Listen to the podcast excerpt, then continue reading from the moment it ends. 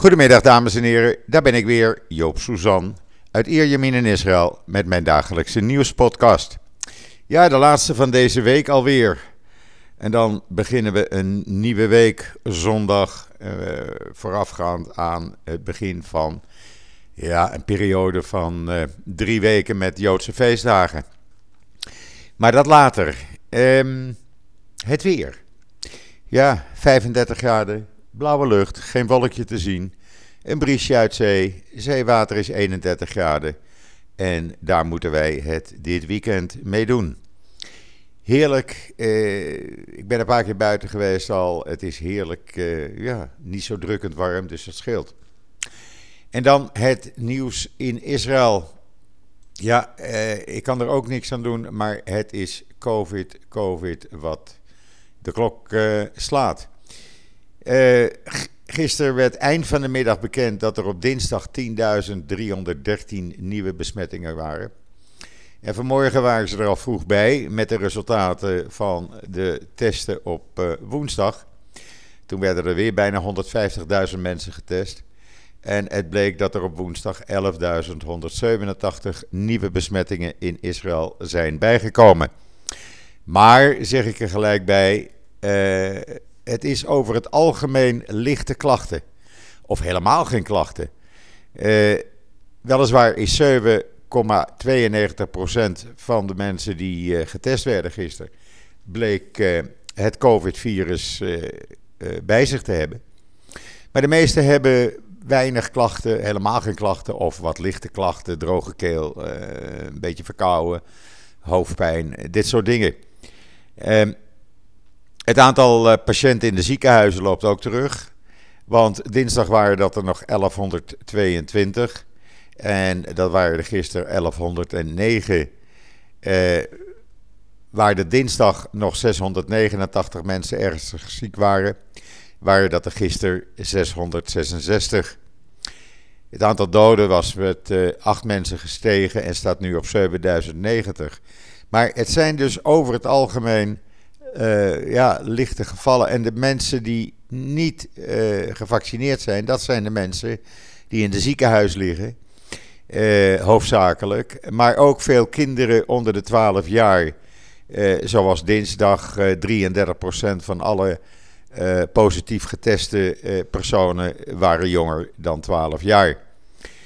Gisteravond werd trouwens op het journaal nog gezegd over vier kinderen die ernstig ziek met corona en bijverschijnselen na corona in uh, uh, het kinderziekenhuis liggen en die echt kritiek uh, liggen. En ik hoorde ook, is een mooi voorbeeld, een vriend van een van de zoons, die zou dinsdagavond bij hem komen en die belde om vijf uur dinsdag naar hem toe en zei, joh, ik heb corona, ik kan niet komen. Maar ik merk niks, ik voel niks, eh, ik voel me prima, eh, niet anders dan anders. Wat bleek nou? Hij is drie keer gevaccineerd. Uh, zijn kinderen, die zijn in die leeftijd 6, 8 jaar. Twee kinderen, die bleken een dag of tien geleden besmet te zijn geraakt met corona. En die hebben hem dus ook besmet gemaakt. Alleen doordat hij drie keer gevaccineerd is, ja, hij zegt: Ik heb nergens last van. En ik voel me prima, maar ik moet wel in quarantaine blijven tot de volgende test over een aantal dagen. En dan moet het uitwijzen of ik eh, weer uh, het huis uit kan. Maar dat is dus een mooi voorbeeld uh, in mijn directe omgeving, om het zo maar eens te zeggen. dus dat je wel besmet bent, maar dat je er helemaal geen last van hebt. Eigenlijk helemaal geen weet van. Hij heeft zich laten testen omdat zijn kinderen hersteld waren en hij wilde zekerheid hebben dat hij uh, uh, geen virus had, ook al omdat hij een uh, belangrijke openbare functie bekleedt. Maar zo werkt dat dus. en ja, als ik dan lees dat het Europees Medicijnagentschap, het EMA, bekend maakt in de Telegraaf, staat dat dat een derde vaccinatie niet nodig is, omdat de tweede vaccinatie, dat werkt gewoon prima en dat is geen enkel probleem. Dan denk ik, jongens, welke wereld leven jullie? Want er is zowel in Amerika, maar vooral ook in Israël genoeg uh, onderzoek voorhanden. Waaruit blijkt dat je na vijf, zes maanden na die tweede vaccinatie nog maar voor 38, 39 procent beschermd bent tegen het krijgen van het virus. En nog maar rond de 64% tegen het ernstig ziek worden. Dus dat verhaal van het EMA, ik denk dat die mensen ook in een andere wereld leven. Ik weet het anders niet. Maar eh, ik vind het een heel, uh, heel raar uh, verhaal. Ehm, hier in Israël, ja, ik ga toch maar op die experts af. Ehm, want ja, er wordt ook gezegd, doordat de scholen uh, open zijn gegaan gisteren, dat de kans op uh, ja, een, een, behoorlijke toename van uh, besmettingen onder de kinderen die niet gevaccineerd zijn, dus hoofdzakelijk onder de 12 jaar, dat die ja, behoorlijk zal gaan toenemen in de komende weken. Nou, we gaan het meemaken, of eigenlijk wil ik het niet meemaken. Maar ja, ook uit een andere peiling blijkt dat Israëli's toch voorzichtig zijn, want 52% heeft uh, in een peiling gezegd dat ze niet op familiebezoek gaan op Rosh Hashanah. Uh, als daar mensen zitten die uh, niet gevaccineerd zijn. men wil het risico niet lopen en ja, dat is nou eenmaal zo. Je kan niet anders. Je moet je aanpassen aan de situatie zoals die is en niet net doen alsof er niks aan de hand is. En dat merk ik uit de reacties in Nederland. Dat daar nog gewoon wordt gedaan door heel veel mensen. Van, ah, er is niks aan de hand, het is maar een griepje. Nou, ik kan u de mensen aanwijzen hier in Israël. die uh, uh, corona hebben gehad. en na een jaar nog steeds geen reukvermogen hebben. nog steeds moe zijn. nog steeds allerlei bijverschijnselen hebben. Dus Neem dat gewoon serieus. En wat Nederland doet door nog niet te gaan vaccineren met een derde vaccinatie, een booster. Ja, ik vind het een beetje dom. En uh, ik ben bang dat als er in de komende tijd echt een, uh, ja, die stijging blijft doorzetten, zoals die al is in Nederland, dat dan het eind uh, snel zoek is. Maar goed, ik woon in Israël. Ik heb te maken met wat er hier gebeurt. En ja, uh, er gaan nu ook stemmen op om bijvoorbeeld uh, evenementen waar binnen 1000 mensen mogen en buiten 5000 maximaal, om die toch maar te gaan verbieden en uh, hooguit buiten een paar honderd mensen nog toe te laten. En dan is er vandaag een belangrijke dag in de Knesset, want ja, het budget wordt in stemming gebracht, althans de eerste van drie stemming, stemmingsronden. De tweede en derde volgen na de Joodse feestdagen in oktober. Maar het is heel belangrijk. Het is voor het eerst in bijna drie jaar, ruim twee jaar, dat er weer een begroting is.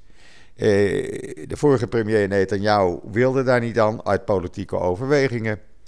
En uh, ja, nu is er een begroting. Er schijnt een meerderheid te zijn, alhoewel niet erg groot. Maar een meerderheid is tenslotte een meerderheid.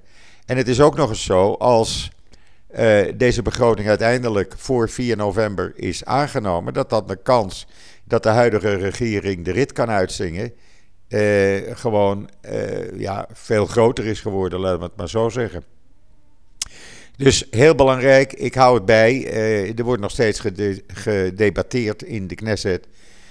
dus voorlopig is er weinig nieuws. En dan is het donderdag en daar staat dus op israelnieuws.nl een nieuw kosher recept. En we hebben dat een beetje in de trant gehouden van uh, Rosh Hashanah. Want u weet, met uh, Rosh Hashanah, ja, we gebruiken daar veel zoetigheden. Vooral honing, dat moet. Daar moet je ook een gebed over uitspreken. Dus het wordt kip met ui, honing en kastanje deze week.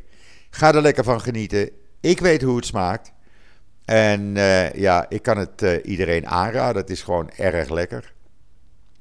En dan uh, heeft Israel Aircraft Industries in een persbericht bekendgemaakt. U kunt het lezen op israelnieuws.nl natuurlijk. Dat zij de productielijn die ze al een aantal jaren stil hadden gelegd voor F-16 vleugels. weer gaan opstarten op verzoek van Lockheed Martin. Er is zoveel vraag naar F-16 schijnbaar dat ze moeten extra productie hebben. En uh, Israël Aircraft Industrie had die uh, productielijn. Die hebben de know-how. Dus die gaan weer volop aan de gang. en dat betekent weer werk voor vele honderden mensen. En ja, dat is goed nieuws natuurlijk. En dan hebben we op Joods, Israël nieuws.nl over de Joodse geschiedenis een nieuwe serie via de Nationale Bibliotheek van Israël gezegd. Uh, dat zijn drie video's waarin wordt uitgelegd de drie belangrijke feestdagen uh, waar we nu mee gaan beginnen met Rosh Hashanah komende maandagavond. Acht dagen later Grote Verzoendag, Yom Kippur. En daarna het Loofhuttenfeest Sukkot. Dat wordt in drie video's prima uitgelegd in het Engels. Is voor iedereen te volgen. De video's duren 15 minuten. En uh, ja, nou, dan bent u gewoon uh, op de hoogte hoe, dat, uh, hoe wij dat nu doen. ik weet dat er altijd veel interesse naar is. Dus vandaar dat ik die video's, toen ik het persbericht kreeg, ook online heb gezet. En vanaf vandaag kunt u ze dus alle drie gaan bekijken. Het zijn, ja, ik vind het bijzondere, bijzondere video's, moet ik zeggen. Ja, en dan is de laatste van de nieuwe Saar 6 uh, eh, in Israël aangekomen. Dat is de Nitzahon, dat betekent overwinning. En die is met een officiële uh, receptie is die, ja, ingehuldigd, zeg maar. Daar waren alle top uh, legerleiders bij. in het artikel kunt u ook een video zien van de aankomst.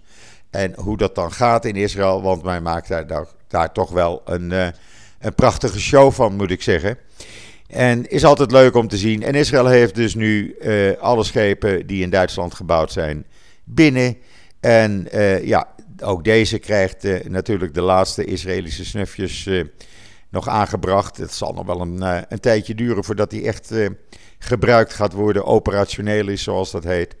Maar hij is er en ze kunnen nu alle radar- en raketsystemen uit Israël verder gaan installeren. Ook nieuw is een nieuwe haven bij Haifa. Daar is de Amerikaanse regering niet zo blij mee, want hij wordt gerund, hij is gebouwd en hij wordt gerund door een Chinees bedrijf. dat heeft Netanyahu in de tijd nog geregeld. Maar er kunnen nu uh, schepen tot 18.000 containers aanmeren. En die kunnen dus ook gelost worden. Het is helemaal computergestuurd. Al die hijskranen die er staan. er staan in het artikel op israelnieuws.nl twee leuke video's. waarin het een en ander gewoon duidelijk wordt gemaakt voor u. het eerste schip met ruim 14.000 containers, die is er nu. Die is gelost. Uh, de vraag is nu in Israël: gaat dat nu ook betekenen dat uh, goederen die we in de winkels zien goedkoper gaan worden? Want ja, als er nu maar één boot nodig is in plaats van twee, dan moet dat toch goedkoper zijn, zou je zeggen. En het is al allemaal duur genoeg hier. Dus ja, we zullen gaan zien wat dat prijstechnisch gaat doen. Ik denk nog niet, eigenlijk, want ik ken zo'n beetje de handelaren hier. Eh, als er wat extra geld verdiend kunnen worden, doen ze net over neusbloed. En de consument kan ervoor opdraaien. Maar dat doen ze wel goed hier op televisie, want gisteravond eh, was er uitgebreid op Channel 13 Nieuws een uh, reportage waar je nou de goedkoopste boodschappen kan gaan doen. En dat ging over dezelfde producten. Het ging over vlees, het ging over kip, over groenten, over fruit. Waar uh, producten goedkoper waren. Waar ze het duurst waren natuurlijk.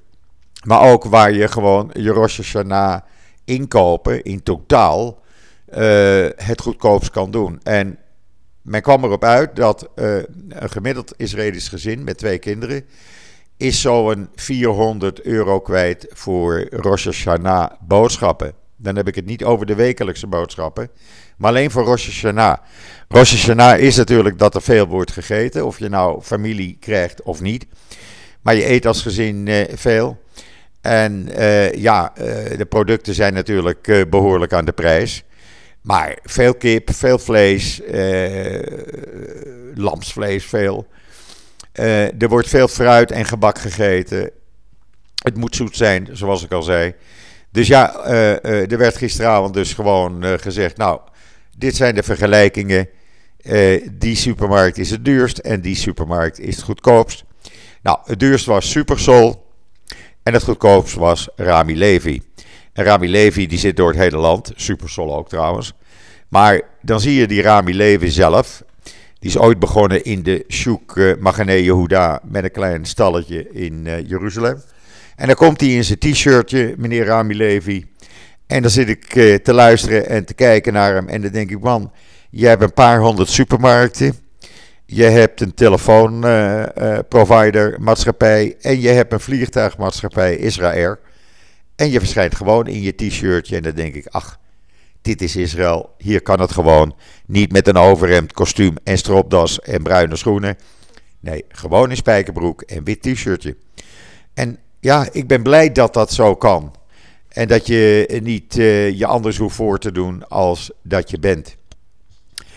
Ja, en dan Rosh Hashanah. Het begint dus maandagavond. Het is uh, voor mij sinds drie jaar, en niet alleen voor mij, maar voor de familie hier.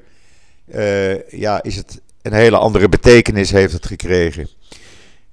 Drie jaar geleden, de avond voor Rosh Hashanah, overleed mijn jarenlange partner. En ja, dat betekent dat Rosh Hashanah ook nooit meer het Rosh Hashanah feest is geworden voor ons. Zoals uh, uh, het daarvoor was. Het heeft een andere betekenis gekregen. En ook als familie wil je dan elkaar even omhelzen en bij elkaar zijn. Helaas met de corona besmettingen hebben besloten om dat maar even niet op maandag te doen, maar op dinsdag in de middag. Dan gaan we lekker met de hele familie barbecuen op het strand. Ook weer eens wat anders. Als we een plekje kunnen vinden. Want uh, we zullen niet de enige zijn. Ja, en zondagmorgen gaan we dan met uh, de hele familie naar het graf toe. Hier in Natanja. En omdat haar broer orthodox is. En een van de zoons is zelfs rabbijn. gaan we dus alle gebeden zeggen die gezegd moeten worden. Ehm, wat wij ook altijd doen, wij draaien dan haar muziek. Zij was pianiste. En uh, ja, dan draaien we een paar opnames van haar. En we laten familie in het buitenland via een videoverbinding meekijken. U begrijpt, het zijn geen makkelijke dagen. Uh, maar dan voel je toch weer de warmte van iedereen hier om je heen in Israël. En niet alleen familie, maar ook vrienden en, en buren die dat niet vergeten. En die mee willen naar, uh, uh, het graf op zondagmorgen. Uh, vrienden die zeggen: Joop, hoe laat is het? Want wij komen ook. Ja, en dan sta je daar dan weer met een hele grote groep mensen. Want zo gaat dat elk jaar hier in Israël. Dus ja, ik verwacht uh, dat we daar met, uh, met heel veel mensen weer zullen zijn. Want iedereen komt zo'n beetje. En het is altijd mooi, dan voel je dus de steun en de liefde en de warmte van iedereen om je heen. En of het nou familie of vrienden of kennissen zijn, het is mooi om te beleven. Dus dat is zondagmorgen. Ja, en dat heeft natuurlijk die, die hele Rosh Hashanah periode. Blijft natuurlijk in de teken staan van Michel, mijn partner. En uh, ook voor de familie is dat een uh, belangrijk ja, moment om herinneringen op te halen. En dat zullen we dan ook zeker doen met de kinderen en de vele kleinkinderen hier.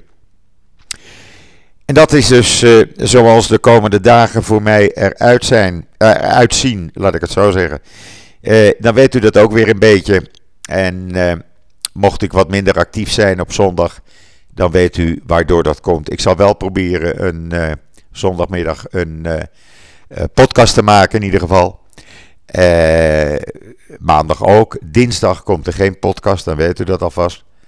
En ja, dan de rest van de week weer. Maar dit is zo'n beetje wat ik te melden had aan u. Um, dus rest mij u nog een fijne voortzetting van deze donderdag, de 2 september, toe te wensen. Alvast Shabbat Shalom vanuit Israël. Een heel goed weekend. En wat mij betreft ik hoop er zondag weer te zijn En zeg zoals altijd: tot ziens, tot zondag.